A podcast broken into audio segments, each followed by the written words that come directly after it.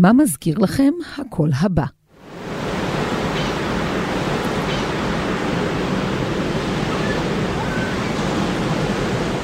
רגע, אני שולפת עוד אחד, אולי עכשיו זה יצלצל לכם מוכר. אני יושבת מקדימה. אמא תביא את לא, המים. מה זה אני יושבת מקדימה? לא, יושבת מקדימה. אני אני יושבת מקדימה, אני לא. פעם לא יושבת מקדימה. מה זה שאת לא יושבת מקדימה? לא, יש שירה חבר'ה, סליחה. עכשיו נזכרתם, אה? החופשה שלנו באוגוסט, נכון? שאנחנו תמיד רוצים שהיא תישמע ככה,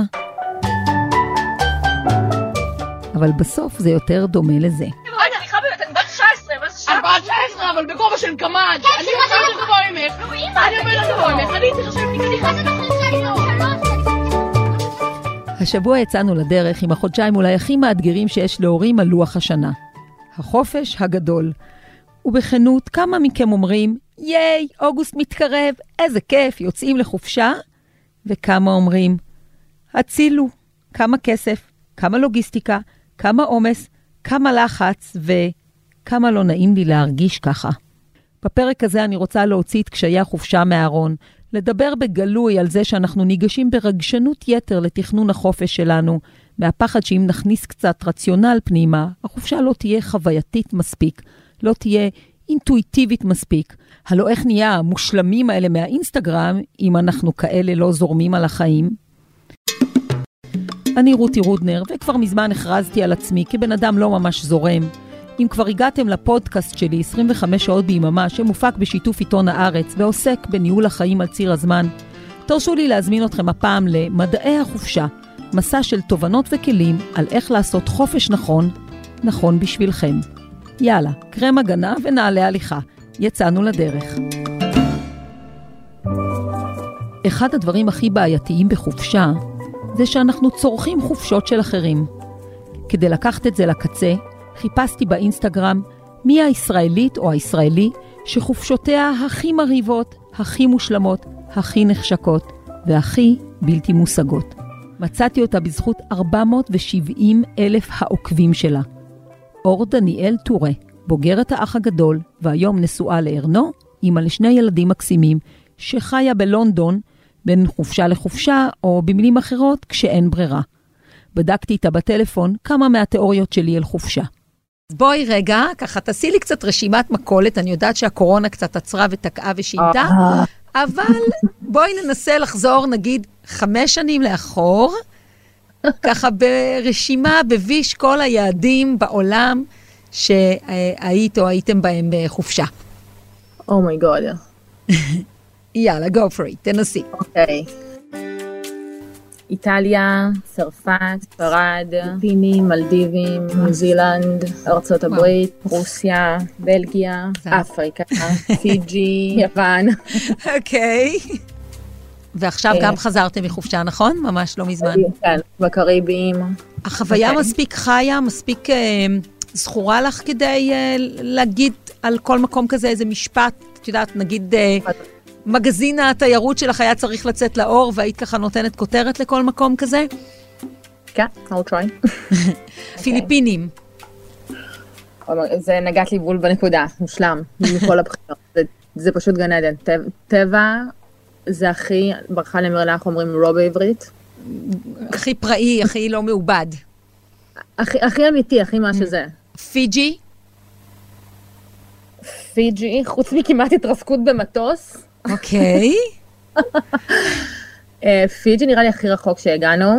אה, זה היה שווה את זה, בעקבות החוויה שהייתה לי עם הטיסה, לא הייתי לוקחת את הילדים שלי לשם.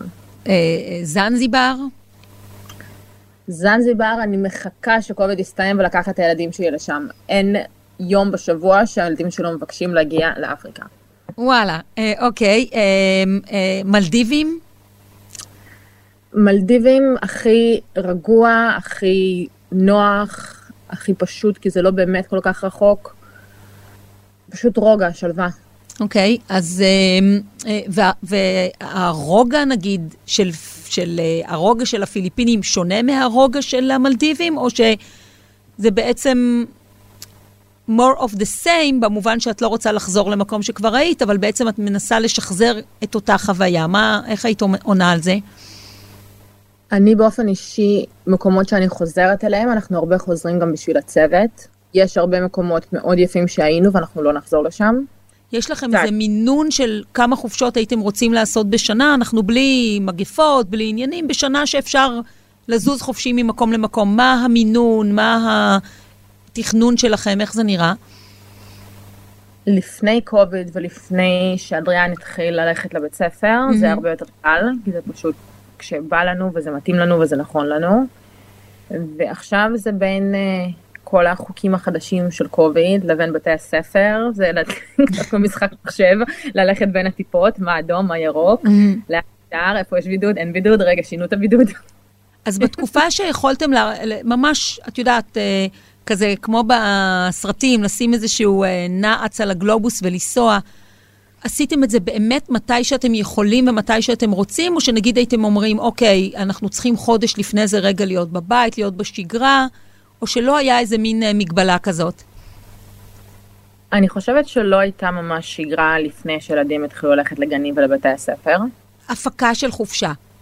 זה משהו שאת אוהבת לעשות, או שהוא עול כזה שצריך לשלם כי אחריו בא הכיף? אני חושבת שבהתחלה כשהיינו רק זוג זה היה קל, כי אתה רואה זה מזוודה ונגמר.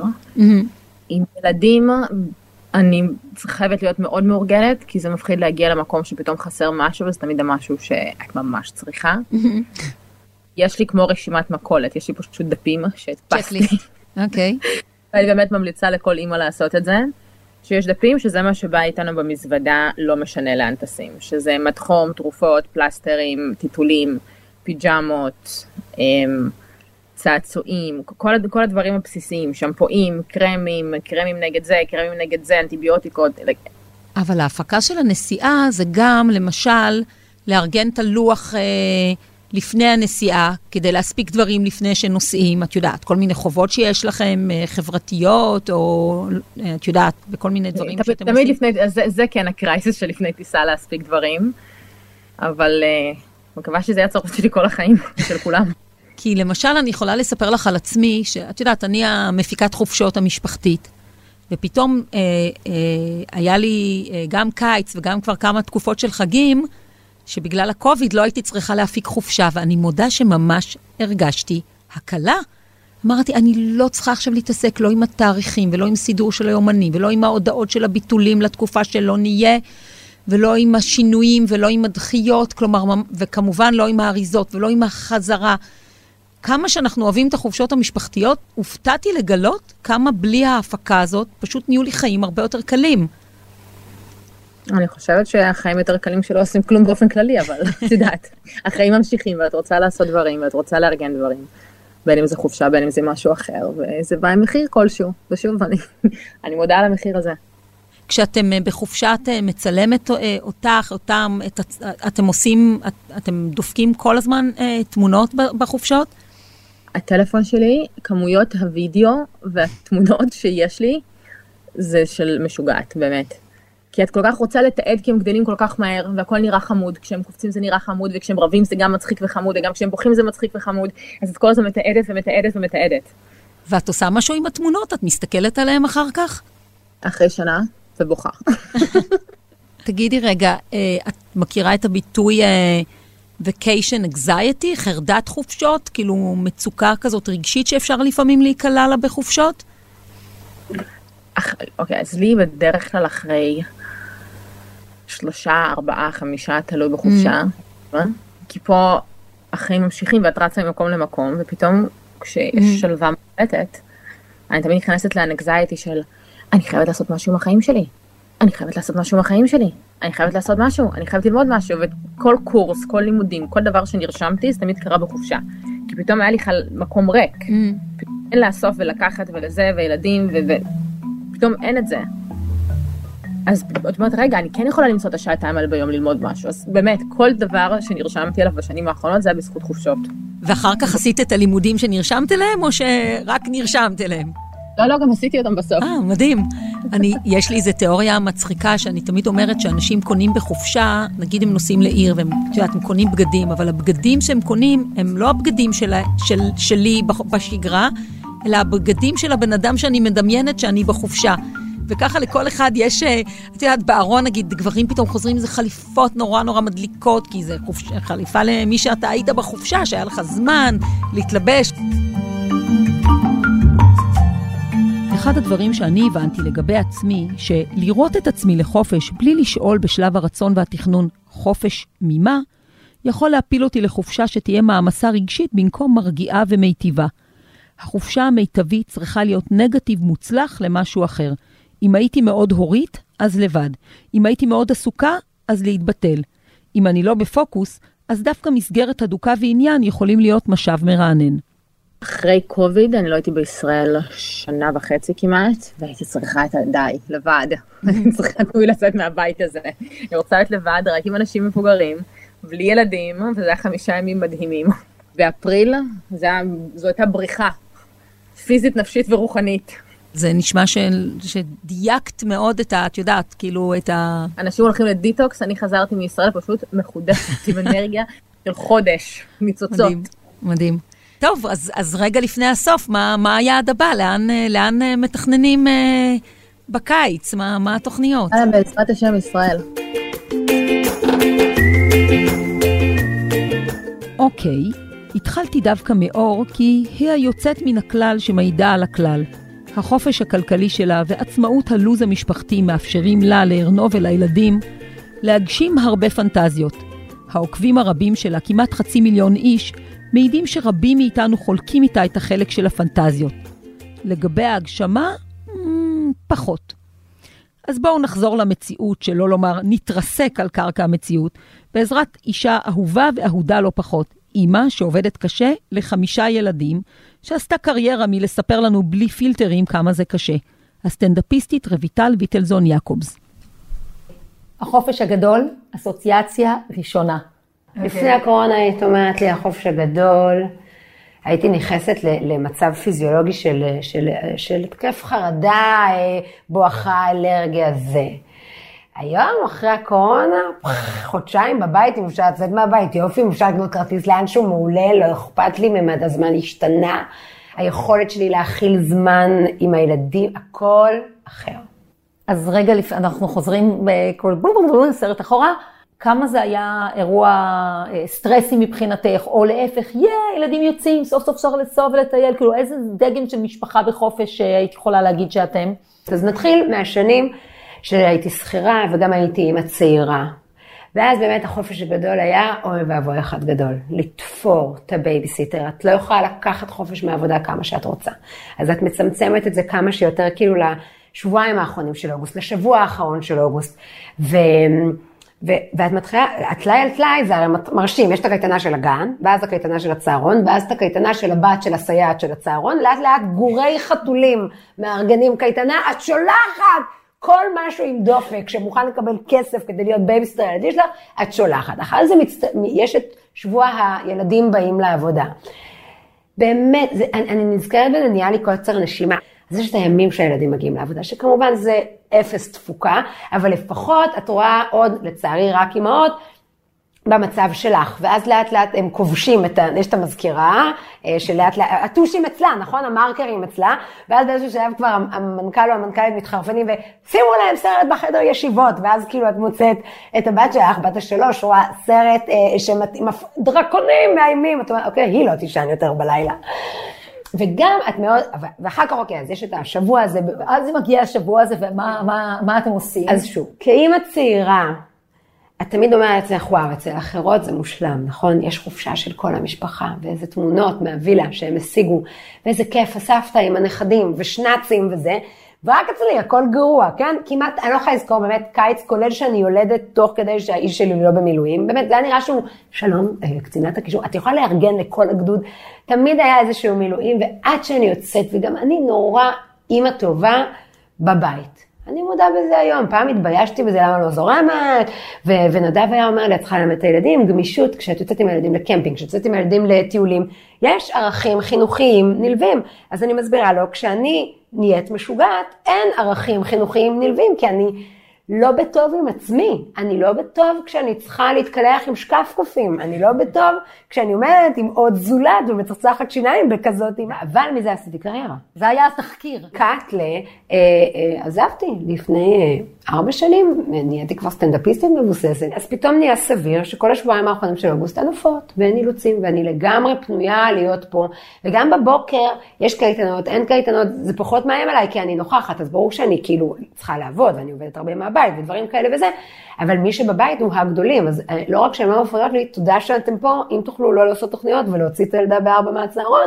כי אני בדיוק באמצע, נהיו יתרונות. רגע לפני הילדים, שאתם אה, זוג צעיר, או כאילו, היה לכם איזה פנטזיית חופשה כזאת שהצלחתם להגשים? משהו שתמיד אתם ככה בראש... אה, תראי, אני עשיתי בחירה אה, לא מושכלת במיוחד בלבחור במושבניק חסון, שלוקח אותי לירח דבש בנפאל, מתקשרת לאימא שלי מאיזה שירותים, זה לא שירותים, בוכה, ואימא שלי אומרת לי, אביטל, הוא, הוא התחרט שהוא יתחתן איתך, שימי חיוך על הפנים ותתפקדי כירח דבש.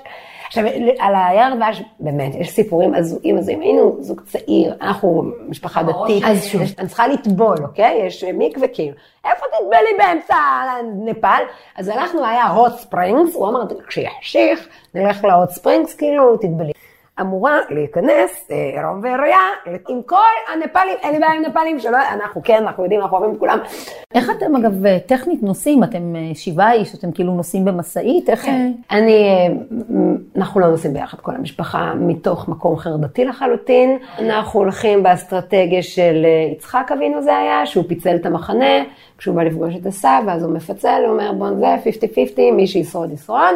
יותר מזה, יש לי על זה אג'נדות, הילדים בוחרים מי נוסע עם מי. אז זה סיפור קשה מאוד, אולי, ואתה לפעמים נוסעים רחוק, ואז באמת אה, האיש מסביר לי שאין שום שכל בלנסוע בשני רכבים, זה גם לא אקולוגי ולא כלכלי ולא שום דבר, ואז אנחנו נהנים ממכות, אלימות, אה, אה, חוסר משילות וכל מה שתרצי במושב האחרי.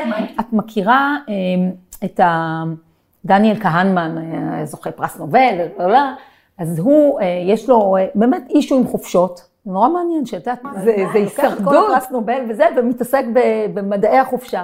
והוא עושה הבחנה אה, שאני נורא נורא אוהבת, והיא באמת פקחה לי את העיניים בין האני הזוכר והאני החווה. והוא אומר שהרבה פעמים אנחנו מעצבים את החופשה שלנו בכלל לא בשביל האני החווה, אלא בשביל האני הזוכר. מי זה האני הזוכר? זה שאחר כך יודע לספר לנו את הסיפור מה היה בחופשה. מה הבעיה עם האני הזוכר? הוא צריך חוויות נורא קיצוניות, הוא צריך סופים נורא חזקים, יש לו דרישות כדי לזכור. וכהנמן בא ואומר, תעשו חופשות בשביל האני החווה. מונוטוניות, תחזרו לאותו מקום, שלא תצטרכו להפיק, שלא יהיה סטרס, שלא יהיה זה. איפה את בין השני סוגי אה, חופשה האלה? אני בן אדם של שיאים, להבדיל מה... אם אנחנו נצטרך להפריד, רויטל האישה חייבת, זה המקצוע, האדרנלין, זאת ההתמכרות. סביב יום הולדת 40, החלטתי שאני עושה הרבה דברים, והיה מופע איחוד של הספייס גרס, פעם ראשונה, והראשון ראשון היה בלונדון ויצא בשבת, השני היה יצא בשבת גם במוצאי שבת בלונדון, אז אנחנו לקחנו את המופע של יום ראשון בבריסטול. איפה זה? עד עכשיו אני לא כל כך יודעת. אנחנו מגיעים רק לבריסטול בדרך לא דרך, גשם, אז מוכרים לנו כאלה מין שקיות זבל שנשים, המופע לא מבוטל. אני אה, לא מאמינה או, או, משקפיים, כולי מתמלאה, המופע לא מבוטל.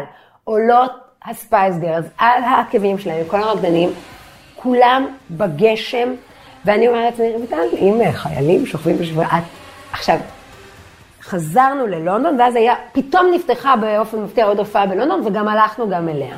מה משתי ההופעות אני זוכרת כחוויית חיים, אם לא את הטירוף של הגשם, את רוצה חוויות קיצוניות, זה היה משוגע, כאילו.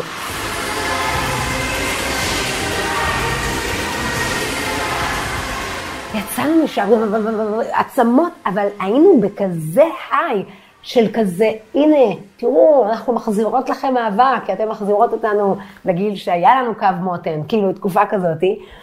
אז בשבילי, כאילו, אני כן הייתי אומרת שהייתי רוצה חופשה עם אה, חוויות. אה, אבל מצד שני, כאימא באמת, אני לא רוצה חוויות.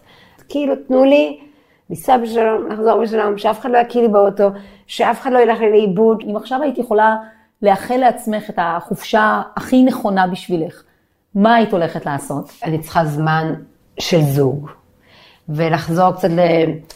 יש, יש הרבה, כי אני, אני לפעמים לפני חופשות עם נדב, מה שואל את עצמי, על מה נדבר?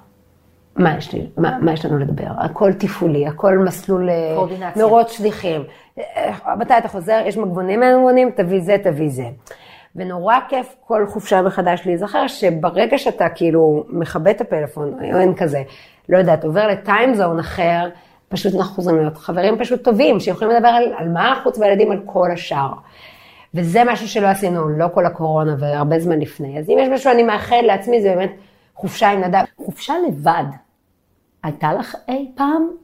בקורונה אני ברחתי לארה"ב. אחד הדברים שהיו לי קשים בתוקף תפקידי מעולם התרבות, שלאט לאט אנשים באמת נכנסו לשגרת קורונה, ואפילו הבית ספר חזר לזה, ורק, וכאילו רק אותי שכחו. וכאילו, וככל שעבר הזמן, כולם התרחקו, ורק אני נשארתי אה, לבד. לא עושה כלום עד מחר. זה היה נורא קשה, והרגשתי שאני ממש שוקעת, וכתבתי פוסטים, ורופאת המשפחה שלי, שלצער כולנו עוקבת אחריי, ממש התקשרה, שאולי נדבר על כדורים, ושהיא שומעת זעקה לעזרה וזה. זה קיצוני. אמרתי, אוקיי, אני עוצרת, ופשוט קרטסתי, ופשוט היינו 17 טסים במטוס, ואז אני מגיעה ואני יוצאת, ווואו, ואני שבוע שלם בניו יורק לבד, משקרת לכל מיני חברים שלי מארצות הברית שאני בעצם עם חברים אחרים, ובאמת אני עם עצמי. בוכה, נושמת, אוכלת, רצה בסנטרל פארק, כותבת, אה, וכל הזמן בפלאפון. אבל זה לא משהו שנגיד בתוך, אם, אם לא בתקופה מאוד קיצונ, קיצונית נפשית, כאילו כשכתבתי על זה אחר כך אמרתי להם, תקשיב, אני הייתי בקרקעית ומשהו קרה שנצנץ לי מעל פני המים ושחיתי בכל הכוח. כי באמת הייתי, באמת, זה נשמע היום כאילו מתבכיין, אבל הייתי פשוט, את יודעת, גמורה. אה, אחד הדברים שאני באה לטעון זה שחופשה זה לא רק איפה שיש דקל, חול לבן וזה אסור. זאת אומרת, לפעמים בדיוק חופשה זה הדבר שאת מייצרת לעצמך איזשהו נגטיב לדבר שממנו את באה. ופה עשית נגטיב מדהים לחוויה שממנה באת. זה נראה לי הגשמה מושלמת לרעיון הזה. את יודעת, לפעמים הטרק שאת עושה לא צריך להיות באיזה שביל עז בנפאל, כזה שאפילו לא עיזים ברבים עוברות בו, אלא יכול להיות בלחצות את האימיגריישן בניו יורק. זה state of mind יותר מאשר המקום הגיאוגרפי שאת. וגם האימהות שממש מרגישות שאי אפשר. יש, יש שם משהו שהיא צריכה לבנות בתוכה, שאי אפשר שגם לא תיקחי אוויר. אוקיי, אז רק בדיקת עיקרון חופשה אחרון שאני מתעסקת בו. מאחר שחופשה זה דבר נורא נורא יקר, והוא לא יקר רק בכסף, זה גם משאבי הזמן, את צריכה לסגור את כל הדברים לפני שאת יוצאת לחופש, ואת צריכה אחר כך להספיק את כל מה שלא הספקת, ואת צריכה לארגן את הכל, וזה עול מאוד גדול וגם נורא נורא יקר. אז יש לי טענה שאנשים בחופשה נורא עסוקים כל הזמן בשאלה, זה היה שווה את זה, זה לא היה שווה את זה, ובעצם רוב חופשה את מזיעה כדי שהיא תהיה שווה את המחיר המאוד יקר שלה. את מכירה את המשוואה הזאת? אני גרה במושב, שבו אני לא רואה פה משפחות שלמות טסות לחו"ל לשבוע ולעשרה ימים, אז הכל מעצמו יותר זול. ברמה שאני זוכרת ממש שנה, שאחת האימהות ביקשה אם אפשר לא להיעצר בתחנת דלק אה, כל רבע שעה, כי הם חמישה, שישה ילדים, וכל ביקור בתחנה הכי חנות נוחות, זה 200 שקל. רק הקרטיבים, אה, גלידות אה, ודברים כאלה. אה, אבל השאר זה מאוד ישראלי כל הזמן לחשוב אם אה, שווה או לא שווה, זה, זה. אתה תיתן לי כוס קפה מודפס עם הפרצוף שלי, כי בשביל זה אני שילמתי את זה. אה, לא יודעת, אני אה, עובדת קשה ומרגישה שכזה מגיע לי, ושקניתי לי, ושפינקתי את עצמי, אז אני לא שם. כשזה על עצמי, כמובן. בריאה. מעולה, רויטל, ממש ממש תודה על השיחה שלנו. ממש ממש בכיף. ותתקשרי בספטמבר לראות שאני עדיין בחיים.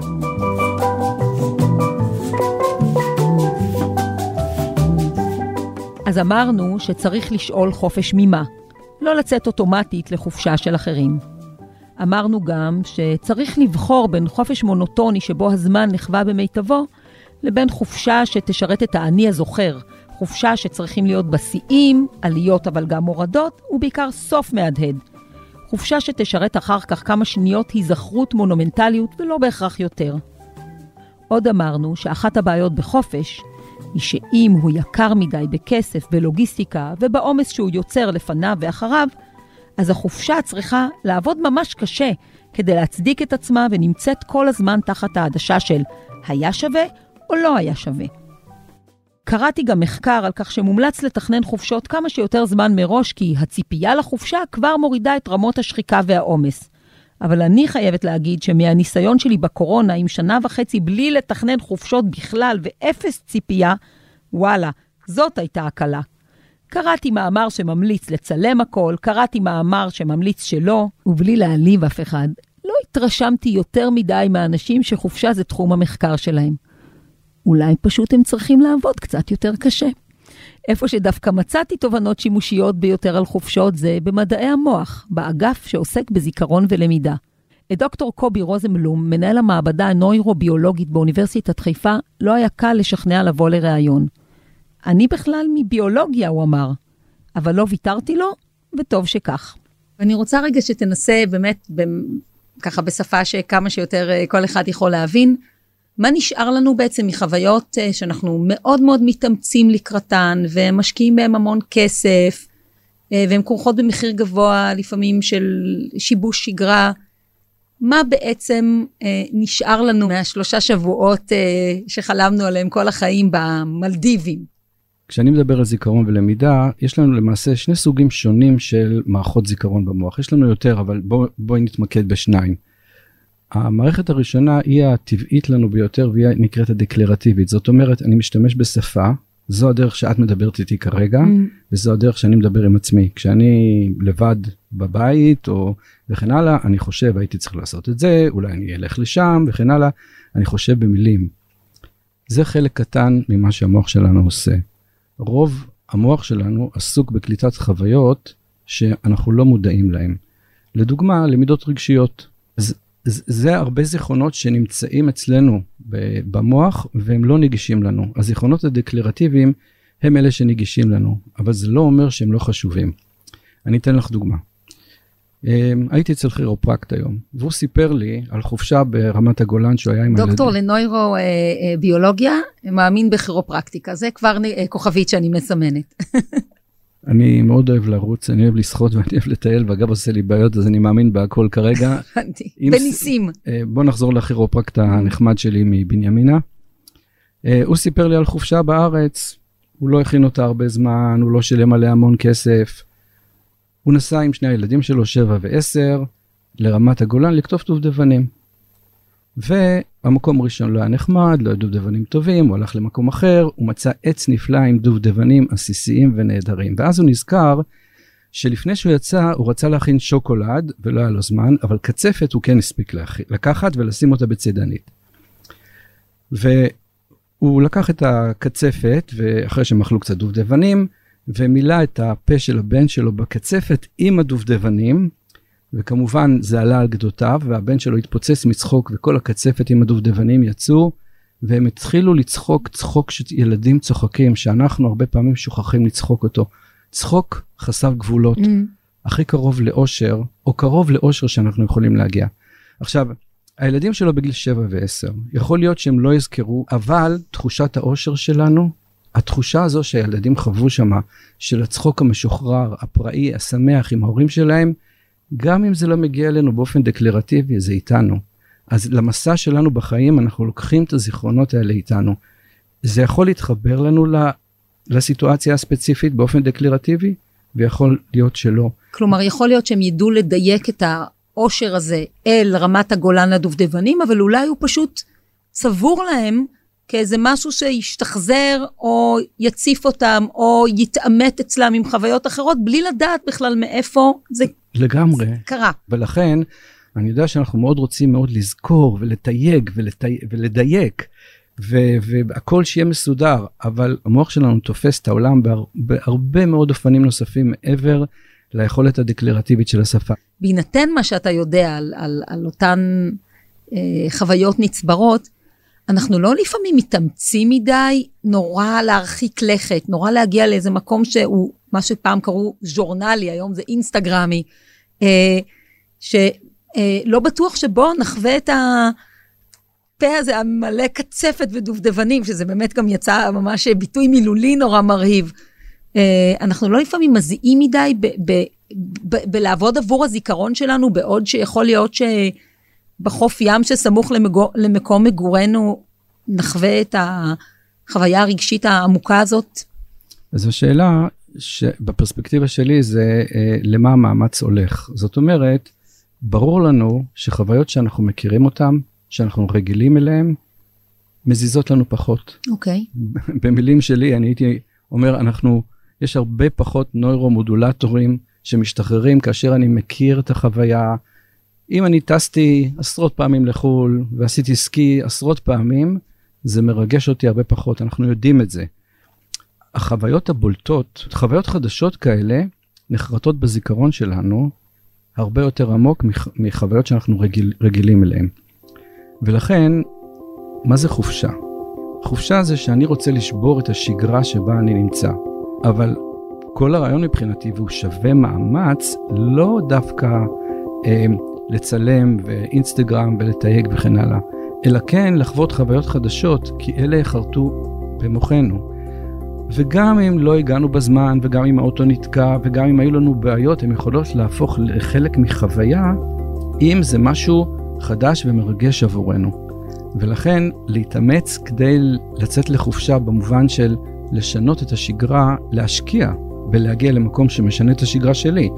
השגרה שלך יכולה להיות שונה מהשגרה mm. שלי, ואז כל אחד צריך לתת לעצמו תשובה, מה, מהי חופשה בשבילו, שתיקח אותו למקומות uh, חדשים, שתיקח אותו למקומות שמרגשים אותו. כמובן שאם אתה עם משפחה, אז זה מסגרת אחרת. פה אתה גם אחראי על לייצר אה, אה, אה, זיכרונות לאחרים, לא רק לעצמך. אין לנו שליטה על איזה זיכרונות יצברו שם? לא באמת, נכון? לגבי הילדים למשל. אין לנו שליטה, אבל אני חושב שאם ההורים אה, רגועים, שמחים, שלווים וצוחקים, אז ברור שהחוויות של הילדים ילכו בכיוון הזה, ואם החוויות הם, אל תאכל את זה, כן תאכל את זה, תלך לשם, תפסיק לעשות ככה, אז נוצרת אינטראקציה שהיא שלילית. אני ש... צוחקת, כי אתה יודע, אני במשפחה שלי הקצינת אה, חופשות, ומה זה אומר? שאתה יודע, נגיד, אה, אנחנו, הילדים ואני מאוד מחכים נגיד לסקי בכל שנה, כשהיה אפשר לנסוע לסקי, אבל היום שלנו שם מתחיל בזה שאני מעירה אותם, ואני זה, ואני קושרת להם את הציוד, ואני שמה, ואני רואה, וזה. אז, אה, ואז יש את החלק, גם, שהוא לפעמים מאוד קשה ומאתגר, ולפעמים מרהיב. ופה זה מביא אותי לשאול אותך, הרי בחופשה יש בין היתר בילט אין המון מאמץ.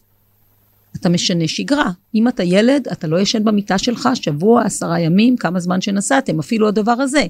כמובן שאם אתה הורה, אתה צריך לארגן, אתה יודע כמה זה עולה. זה, אם זה נסיעה אפילו בארץ, יכול להיות פקק נורא גדול, יכולה להיות חס וחלילה איזה תאונה. מה קורה בזיכרון לכל כך הרבה חוויות לא טובות, שקשורות לקריסטל בול הזה שאנחנו מנסים לייצר של החופשה. החוויות הלא טובות גם אמורות להיצבר, לא? אני חושב המסר המרכזי ש, שצריך לנסות להעביר אותו לילדים, שקשה זה לא רע. קשה זה קשה. קשה זה לא רע. אי נוחות היא קשה. היא, היא, היא לא רעה. אז אם אתה מעביר את המסר שקושי הוא חוויה, אני בטוח שכשעשית סקי, עשיתי סקי גם אני, אני, זה היה נפלא לעשות סקי עם הילדים, יש מקומות שהיה לי קשה ולא נוח. אני לא יודע, אם יצא לך ליפול, או לא יודע... לא, לא יצא לי ליפול. כן. אני לא יצא לי לעמוד. הנרטיב שאנחנו מספרים לעצמנו ולילדים שלנו, הוא הקובע. הקושי החיצוני, יש לו משקל עד גבול מאוד מסוים, אז אפשר את רוב החוויות לקבל בצורה הרבה יותר אה, חיובית. זיכרונות של אחרים, הם גם יכולים להפוך להיות הזיכרונות הרעים שלנו. כלומר, אם אני קראתי עכשיו, אני תכף אקח את זה חזרה לחופשות, אבל אם קראתי עכשיו על אסון שקרה בחופשה מדהימה באיטליה, שנחרבה בצורה כזאת עצובה, זה יכול גם להשפיע על איך שאני אתייחס לרכבל שאני אעלה עליו, אבל הצד השני של זה, האם ה... אה, מה שאני אראה, ייצוגי החופשות המדהימים שאנשים עוברים אה, ומראים לכל העולם באינסטגרם שלהם, גם יכולים להשפיע על חוויית החופשה שלי, בטח על הכמיהה, אבל גם על היחס החיובי, השלילי וכולי. בהחלט. בלמידת פחד, את מדברת כרגע על למידת פחד, ללמוד לפחד ממשהו, ללמוד לפחד מטיסה או mm. מעלייה לרכבל. כן, בסוג למידה כזה את בהחלט יכולה לפחד בגלל שסופר סיפור וקרה למישהו אחר וראית תמונות ואת מבינה מה קרה גם אם לא ראית את, ה, את התיעוד עצמו של מה שקרה.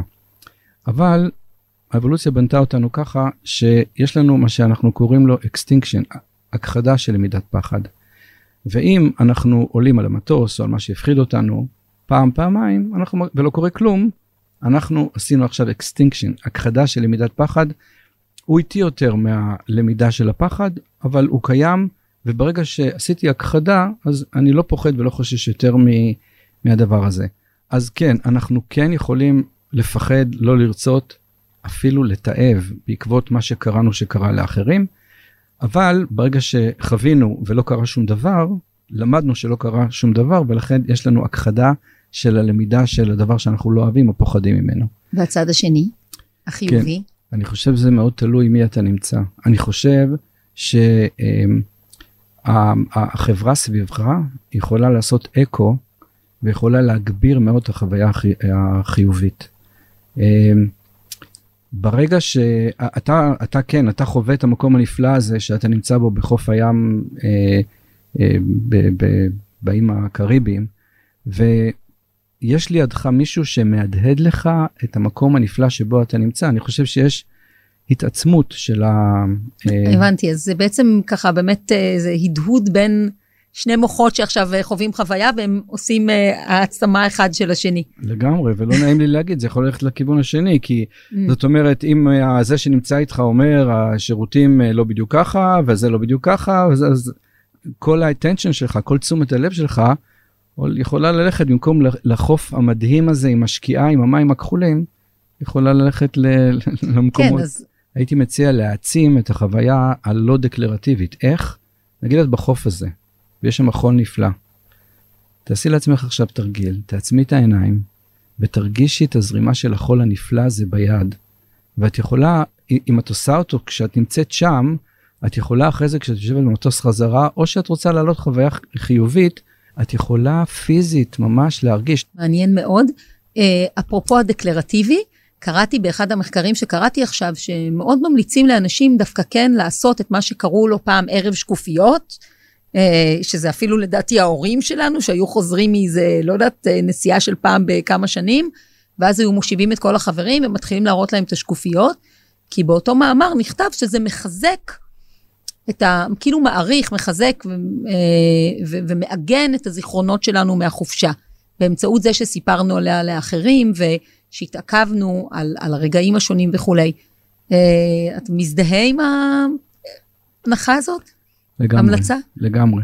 אם את לוקחת תמונות ישנות של ההורים שלך, אז, אה, או של המשפחה שלך, של הסבים ושל הסבתות, וכשהיית קטנה, הזיכרון שלנו מונח כמו, כמו ארכיאולוגיה. זה דימוי שהוא טוב, mm-hmm. הוא יושב אה, שכבה על גבי שכבה.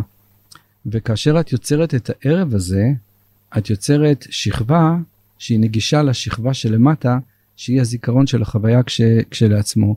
עכשיו מעבר לזה, אם זו הייתה חוויה שוב פעם רגשית טובה, את מהדהדת אותה. אז זה פחות חשוב אם ההר היה 6,000 מטר או 6,500 ואם... אבל התחושה הטובה והנפלאה שהייתה שם היא... מחוזקת. מחוזקת.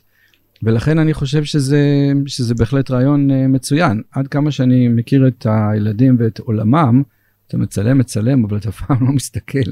אז אתה ממליץ דווקא להסתכל, לא? לגמרי, לגמרי, זה, זה לגמרי. אם אני uh, בחופשה שקצת נחרבת לי, אני חוזרת לעניין הזה, ואני באמת עושה איזה סשן עם עצמי ומשכנעת את עצמי שטוב לי, שכן היה טעים, שמחר יהיה יותר טוב. אני מצליחה uh, כאילו להתגבר על, ה, על הזיכרון הרע באמצעות יצירה מודעת כל כך של זיכרון טוב. לגמרי, אני חושב שכמי שמבין אה, אה, מוח קצת, לא הייתי רוצה לשבת בכס המשפט ולסמוך על עדויות של אנשים מלפני 6, 7, 8 ו-9 שנים. כי האמת האובייקטיבית או, היא, היא, היא מאוד אה, מורכבת, גם אם היא נראית לנו ברורה מאוד. קובי, זאת הייתה שיחה מאוד מרתקת בשבילי. תודה רבה רבה.